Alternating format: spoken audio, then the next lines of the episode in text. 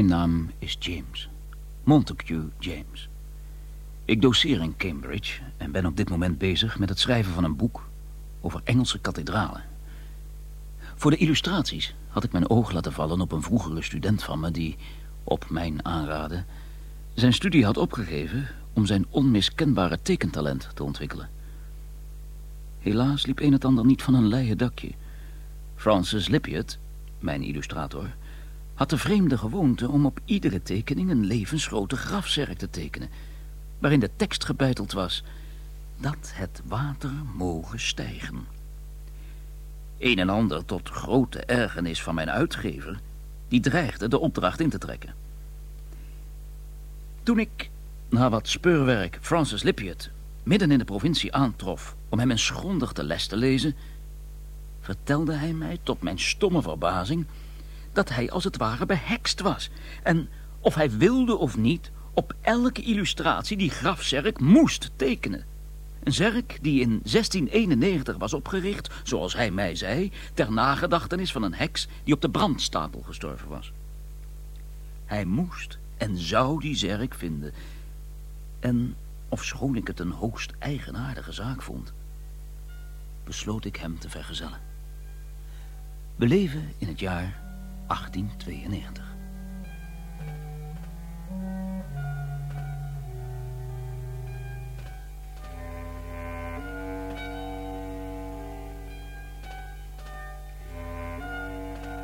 De Steen der Wraken. Een hoorspelserie in drie delen, geschreven door Sheila Hodgson en vertaald door David Meder. Vandaag het tweede deel.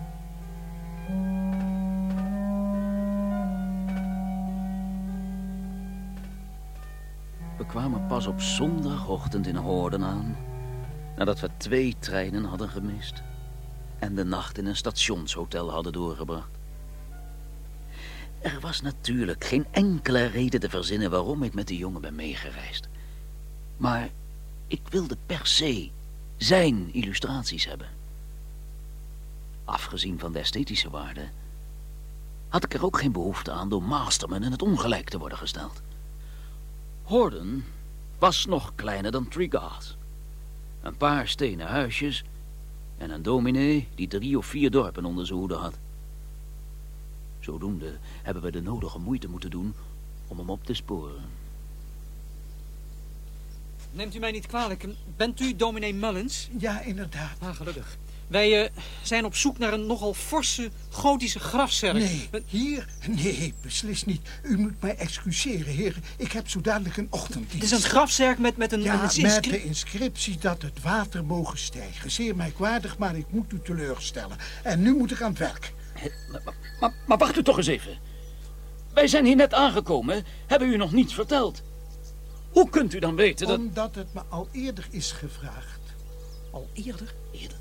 Heeft er al eerder iemand naar die steen gevraagd? Inderdaad, ja. Een dag of wat geleden. Toevallig, hè? Vindt u niet? Ja, zegt u dat wel? Wie was dat? Dit is ongelooflijk, zeg. Overal waar we komen is iemand ons voor geweest.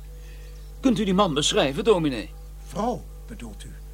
Het was een zeer aantrekkelijke jonge vrouw. Weet u ook hoe ze heette? Nou, nee, dat is me ontschoten. Ik was met de fiets onderweg naar St. Cadmans. St. Cadmans, Sint Pieters en Sint Agnes vallen allemaal onder mijn parochie. Een hele klus, snapt u? Heeft u iets kunnen ontdekken? Dat heb ik inderdaad. En? Ik heb alle kerkregisters grondig nagegaan. Ja, en? Er bestaat geen enkele twijfel over. Dat heksenmonument bevindt zich niet in Harden. Verdomme. Nou, nou, nou, nou, nou. Let een beetje op je woorden. En u bent nog wel van zo ver gekomen. Ik zou u voor de lunch kunnen uitnodigen... waar het niet dat mijn huishoudster net vanochtend haar voet heeft verstuikt. We hebben net ontbeten. Heeft u het wel aan alle bewoners gevraagd, dominee? Nee, nee, nee, nee, nee. Dat zou geen enkele zin hebben. Dat stel hier zou voor een glas bier van alles zeggen. De enige betrouwbare bron is het kerkregister. En dat gaat terug tot 1793. Niet verder? Helaas niet, nee. 1793. Maar uh, nu moet ik echt gaan. Uh, goedemorgen. Uh, komt u gerust nog eens langs? Ja. Oh, wacht eens. Wacht eens. Winterset. Wat zegt u? Wat? Ja, hemeltje lief. Ik bedacht me net iets. Dat meisje dat vorige week hier was, had een hele lijst met gegevens verzameld over dorpen met bijzondere grafmonumenten. Vooral diegenen die met hekserij te maken hebben. Heb ik al verteld dat ze hier ook het monument van een lokale heks zocht? Nee, nee. Oh, oh, nou, eh, een van die dorpen waar ze het over had was Winterset. Waarom vraagt u het niet aan de dominee van Winterset? Vermoedelijk omdat we niet weten waar Winterset ligt. Waar ligt dat dan? Winterset? eh, eens even nadenken. Eh, vrij ver, dacht ik. Nee, toch. Oh, in de buurt van Salisbury. Natuurlijk, daar ligt het, in de buurt van Salisbury. Laat het me weten als u iets wijzer geworden bent. Ik ben zeer benieuwd. Pas op, dominee! De dominee vloog bijna met fiets en al de greppel langs het pad in. Maar hij redde het nog net.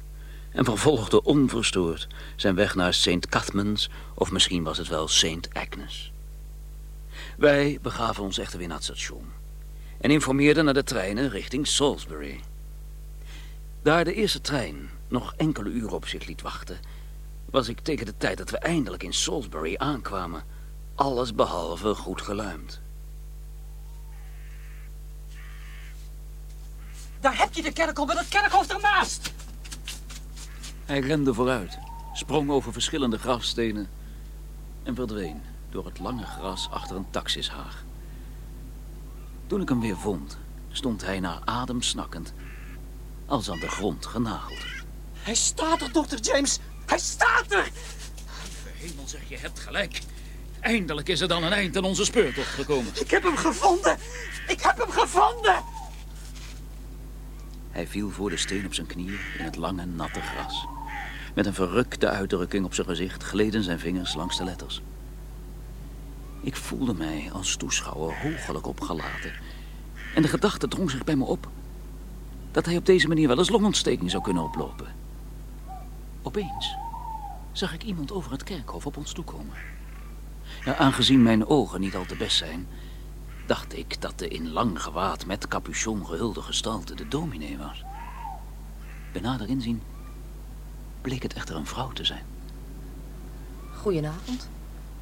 Ze droeg sombere kleren en had haar lange, gitzwart haar hoog opgestoken onder haar capuchon. Toen ze dichterbij kwam, zag ik dat ze zulke donkere ogen had. Dat ze vrijwel uitdrukkingsloos waren. Ik heb heel lang gewacht. Gewacht? Op mij? Ik wist dat je zou komen. Neemt u ons niet kwalijk, mevrouw, als we ons op verboden terrein bevinden. Ik zal het u graag uitleggen. Niks aan de hand. U heeft het uiteindelijk dan toch gevonden. Eleanor. Francis. Je keek me zo verdwaasd aan. Ik dacht dat je me niet meer herkende. Dit is ongelooflijk. Eleanor, hoe is het mogelijk? Jij kent deze jonge dame? Ja, heel goed zelfs. Neem me niet kwalijk. Eleanor, mag ik je voorstellen? Dr. James uit Cambridge. Je zult ongetwijfeld van hem gehoord hebben. Mijn naam is Eleanor Howard, Dr. James. Ik heb in 1889 onder Dr. Buchanan geschiedenis gestudeerd. Werkelijk. Een van de zeldzame ambitieuze dames die onze universiteit heeft opgeleverd. Hoe maakt u het? Eleanor is cum laude geslaagd. Ze is briljant. Ongetwijfeld, Lipheert. Anders had ze niet op Cambridge gezeten. Hebt u bezwaar tegen vrouwelijke studenten, Dr. James? Dat zou net zo weinig zin hebben als bezwaar te hebben tegen eb en vloed. Eleanor, wat doe je in Winterset? Onderzoek voor een historisch artikel in het Geographic Magazine. Alleen? Ja, ik werk graag alleen. Zeg, heb jij de laatste tijd Jeffrey nog gezien of Harold Nee. Peterson? Nee, nee, een hele tijd al niet meer. Heb ik goed begrepen dat u helemaal alleen rondreist? Oh ja, ze is zeer zelfstandig. Maar, dan was jij het? Overal waar we kwamen was iemand ons voor geweest. Dat was jij! Jullie hebben ook zo lang nodig gehad. Juffrouw Howard, verwacht u ons? Inderdaad. Hoezo? Meneer Lipjet is een vriend van mij. Dus wacht u hem hier in Winterset op? Hij heeft me tijdens het meibal een paar dingen verteld en ik raakte geïnteresseerd. In hekserij. En daarom bent u zelf maar met een onderzoek naar hekserij begonnen. Dat klopt, ja. Ik wil verder in de journalistiek en ik dacht het verhaal aan een tijdschrift te kunnen verkopen. Dat is je gelukt. Geweldig. Wat, eh, wat betaalt de Geographic? Mag ik de illustraties verzorgen? Waarom niet? Ik schrijf een algemeen artikel over kerkhoven, grafschriften. Nee, toch. Hoe is het mogelijk? Heb je iets over mijn grafzeer kunnen ontdekken? Teken je die nog steeds? De steen wordt genoemd in een dagboek van John Aubrey. Dat was een schrijver in de 17e eeuw. Dank u wel, juffrouw Howard. Ik weet wie John Aubrey was. Maar natuurlijk, wat dom van me. Volgens Aubrey is de steen in 1691 opgericht ter nagedachtenis van een plaatselijke heks. Hetgeen volgens mij nogal van een slechte smaak getuigt. Vertelt Aubrey ook waar die steen gemaakt is? Ja, in Tregarth, in Cornwall. Maar hij staat hier, in, in Winterset. Waaruit wij kunnen concluderen dat iemand hem heeft verplaatst. Zo, nou, dat was het dan. Prettig met u kennis gemaakt te hebben, juffrouw Howard. Als u ons nu wilt excuseren. Waar gaat u heen? Hopelijk gaan wij nu beiden terug naar Cambridge. Nee, Ja, meneer Lippier. wij kunnen Eleanor hier toch niet alleen achterlaten? Hoe lang, hoe lang zit je hier eigenlijk al? Waar, waar logeer je? Er is hier maar één gelegenheid, een kleine herberg. Hebben ze nog, eh, nog plaats, denk je? Een zinnige vraag, hè? gezien het feit dat we dadelijk vertrekken. Nee, ik niet. Lippiet, ik heb je geduldig gevolgd en hoffelijk behandeld. In de veronderstelling dat, wanneer je fantasieën eenmaal bevredigd waren... je je werk zou hervatten en bij uitgeverij Masterman... de beloofde tekeningen zou afleveren. Het spijt me. Je weigert? Ik kan Eleanor hier niet achterlaten. Het lijkt mij dat juffrouw Howard uitstekend voor zichzelf kan zorgen. Ik zal er zo gauw mogelijk aan beginnen, maar nu wil ik alleen Er is even... geen nu, meneer Lippiert. Ik ga terug naar Cambridge en zal Masterman vragen het contract met je op te zeggen. Ongetwijfeld zul je het fatsoen hebben het voorschot aan hem te retourneren. Ik klonk en voelde me ook wat melodramatisch. Ik trok me zo waardig mogelijk terug en verliet het kerkhof. Ik keek nog eenmaal achterom. Mijn vertrek werd niet opgemerkt. Lippiut voerde een ernstige conversatie met de jonge dame. De gedachte aan mijn boek deed mijn stemming tot een dieptepunt dalen. Voor zover mogelijk zakte mijn stemming nog dieper... toen ik ontdekte dat de eerstvolgende trein... pas de volgende ochtend zou vertrekken. In opperste verwarring liep ik naar de enige herberg... die het plaatsje Winterset rijk was. Dag. Heeft u nog een kamer vrij? Een kamer, meneer. Nou, dat zal wel lukken. We hebben al een jong stel hier. Ah, Niet samen, uiteraard. Maar ze zeggen elkaar vanuit Cambridge te kennen. ik kom ook uit Cambridge, mevrouw. Ach, dat is ook toevallig. Ze zitten in de eetzaal als u... eh, Nee, nee, nee. Ik heb er geen enkele behoefte aan om hen te ontmoeten. Kunt u mij die kamer laten zien? Jazeker. Oh, ja. En zou het erg veel moeite zijn mijn eten op de kamer te brengen? Eh, eh, op een dienblad bedoelt u? Nee. Nee, op een bord, graag. Oh. Uiteindelijk bracht ze me een snee brood... waarop een blad slappe sla in bedwang werd gehouden door een stuk vet vlees. Uiterst onappetijtelijk. Ik kon het echter niet opbrengen om die twee nogmaals onder ogen te komen. Zo woedend was ik. Ik was van plan om de volgende ochtend in alle vroegte te vertrekken. Ik had Francis Lippiet met alle plezier de nek kunnen omdraaien. En wat zijn vriendin betreft... Ik ben van mening dat welgevallige jonge vrouwen ergens een rol kunnen vervullen... maar beslist niet op een universiteit. Ik lag op het bobbelige bed te verzinnen... wat ik aan George Masterman moest zeggen... toen ik onder mijn raam stemmen hoorde. Ik stond op en opende zacht het venster. Francis, luister alsjeblieft naar me. Ik ben al zo'n stuk gevorderd. Maar je hebt de zerk nu toch gevonden? Dat is toch voldoende? Ja, maar hoe komt hij hier? Je weet het niet. Wat doet het ertoe? Ga toch mee, laten we hier nou weggaan. Ik kon hun schaduwen op de door de maan beschenen tuinmuur zien. Ze omhelsde hem. Een en ander dreigde redelijk gênant te worden. Dus sloot ik het raam. En kroop weer in bed. Ik slaap altijd slecht als ik van huis ben. En deze nacht vormde daar geen uitzondering op. Na enige uren naar de geluiden van de nacht te hebben geluisterd... verzeilde ik uiteindelijk in een afschuwelijke droom. Een droom waarin ik op een fiets Francis Lippiot achterna zat over een spoorweg. Hij draaide zich regelmatig grijnzend om en riep... Er zijn geen treinen! Ik schrok wakker. Verdoofd en met een afschuwelijke smaak in mijn mond. Ik hoorde nog steeds stemmen.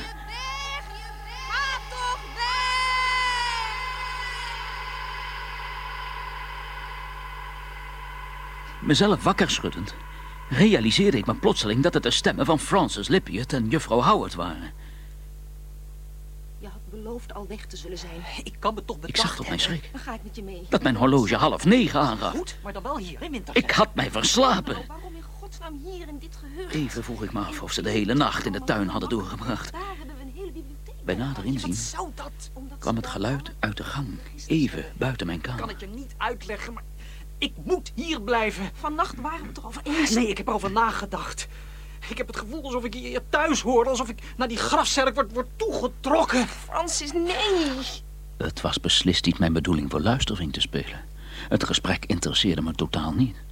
Ze stonden echter wel buiten mijn deur en ik kon in mijn nachtkleding toch moeilijk over de gang naar de badkamer lopen. Er viel een stilte, waarop ik de deur heel voorzichtig opende. Ze stonden er nog. Ik durfde de deur niet meer dicht te doen, daar het gekraak ongetwijfeld hun aandacht zou trekken. Gegeneerd en rillend van de kou trok ik me in mijn kamer terug. Het gesprek ging verder. Hun stemgeluid was nu harder Nou, wanneer? en vervuld van een vreemde Ik heb dwang. er niks mee te maken. Ik wilde je helpen. Jij houdt me in de gaten. Ik ben blind geweest. Hoe kon ik zo stom zijn? Zo Je raar. volgt me, je, je, je bespioneert me. Francis, hou in godsnaam op. Wat je toen op het meibal zei was erg beangstigend. Ik maakte me zorgen. Wat? Dat ik je vertelde dat mijn hand als vanzelf tekende? Dat, dat geloof je toch niet? Dat was een grap. Dan was gisteravond zeker ook een grap. Je zat zonder dat je het zelf in de gaten had weer die grafzerk op het tafelkleed te tekenen. Nou, dat gaat er in de was wel weer uit. Luister naar me, Francis. Je bent in gevaar. Je moet met me meegaan. Met jou meegaan? Of met Dr. James. Oh, die is al weg. Die denkt ook dat ik gek ben. Je hebt rust nodig. Jij wilt mij uit de weg hebben. Laten we nu verstandig zijn. Jij kwam hier als eerste om mij de pas af te snijden. Jij was hier als eerste. Ik werk alleen wat sneller. Nu begrijp ik het. Jij wilt mij dwarsbomen. Niet waar, Eleanor? Ik probeer jou ervan te overtuigen. Tuurlijk. Dat ik dat niet eerder door had. Die gitzwarte ogen van jou. Wie ben jij eigenlijk? Ah, laat me los. Je doet me pijn. Wie, wie ben jij? Ik dacht dat we vrienden waren. Geef antwoord. Jij beheerst mijn gedachten al vanaf het eerste moment dat ik je ontmoet heb. Waarom, waarom heb je mij behekst? Francis, doe niet zo absurd. Kom jij steeds terug, Eleanor, om wraak te nemen? Iedere generatie weer? Ga nou mee naar beneden. Sta oog in oog met het kwaad. Als je niet ophoudt, dan ga ik gillen. Ik ben uitverkoren om jouw goddeloosheid te straffen. Laat me in godsnaam Ik los. weet wie jij bent. Ik weet wie jij bent. Lippiot, wat hier in hemelsnaam aan de hand? Dr. James, wat, wat doet u? Ben jij helemaal gek geworden? Wat is daar aan de hand? Daar stond ik dan, tegenover Francis Lippiot, in mijn pyjama. Hij stond hijgend tegen de trapleuning, het zweet op zijn voorhoofd.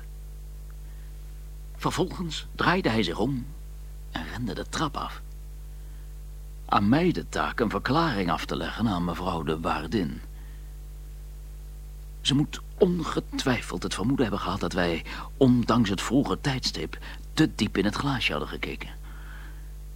Met een afkeurende blik die over mijn pyjama gleed en een minachtend "Eh, dat heb je nou met die Londenaren, verdween ze richting keuken. Een weerwoord dat wij uit Cambridge kwamen leek me op dat moment weinig zin hebben. Ik neem aan dat u vandaag vertrekt, meneer. Eh, waarschijnlijk wel. Heeft u meneer Lippiot ook gezien? Ik heb er gelukkig niks mee te maken. Ik zoek meneer Lippiot. Dat verbaast me niks. Ach, hemel. Ik neem aan dat juffrouw Howard... Nou, die is weg, dat kan ik u wel vertellen. Voor het ontbijt zonder een woord verdwenen. Ze heeft gelukkig wel betaald. Overigens, uw rekening bedraagt 4 shilling sixpence. En als u opschiet, Dan kan hij de trein ook nog halen. Ik wacht op meneer Lippiet, als het u om het even is. Ik verliet de vaag naar verschraald bier en karbol ruikende bar. De waardin, opgeblazen van woede, achterlatend. Buiten gekomen, slenterde ik wat door de landelijke omgeving... toen ik Lippiet plotseling naast een traag stromend beekje zag staan. Lippiet! Lippiet! Wij moeten eens praten. Dr. James, waarom bent u teruggekomen? Ja, er ging geen trein. Dat was haast komisch. Zoals u in die pyjama uit uw kamer kwam stormen. Terwijl ik dacht dat u al hoog en breed vertrokken was. Ik zie er het komische helaas niet van in. Wat bezielde je, in godsnaam? Je stond op het punt dat arme kind te lijf te gaan. Ik heb een vreselijke ontdekking gedaan. Over juffrouw Howard? Dr. James, Ja? gelooft u in reïncarnatie? Is deze vraag serieus bedoeld? Uiterst serieus. Dan kan ik jou alleen maar zeggen dat ik het nog geloof. Nog het tegendeel geloof. Maar ik ben bereid elk eventueel bewijs te onderzoeken. Ik heb het bewijs. Eleanor Howard is een heks.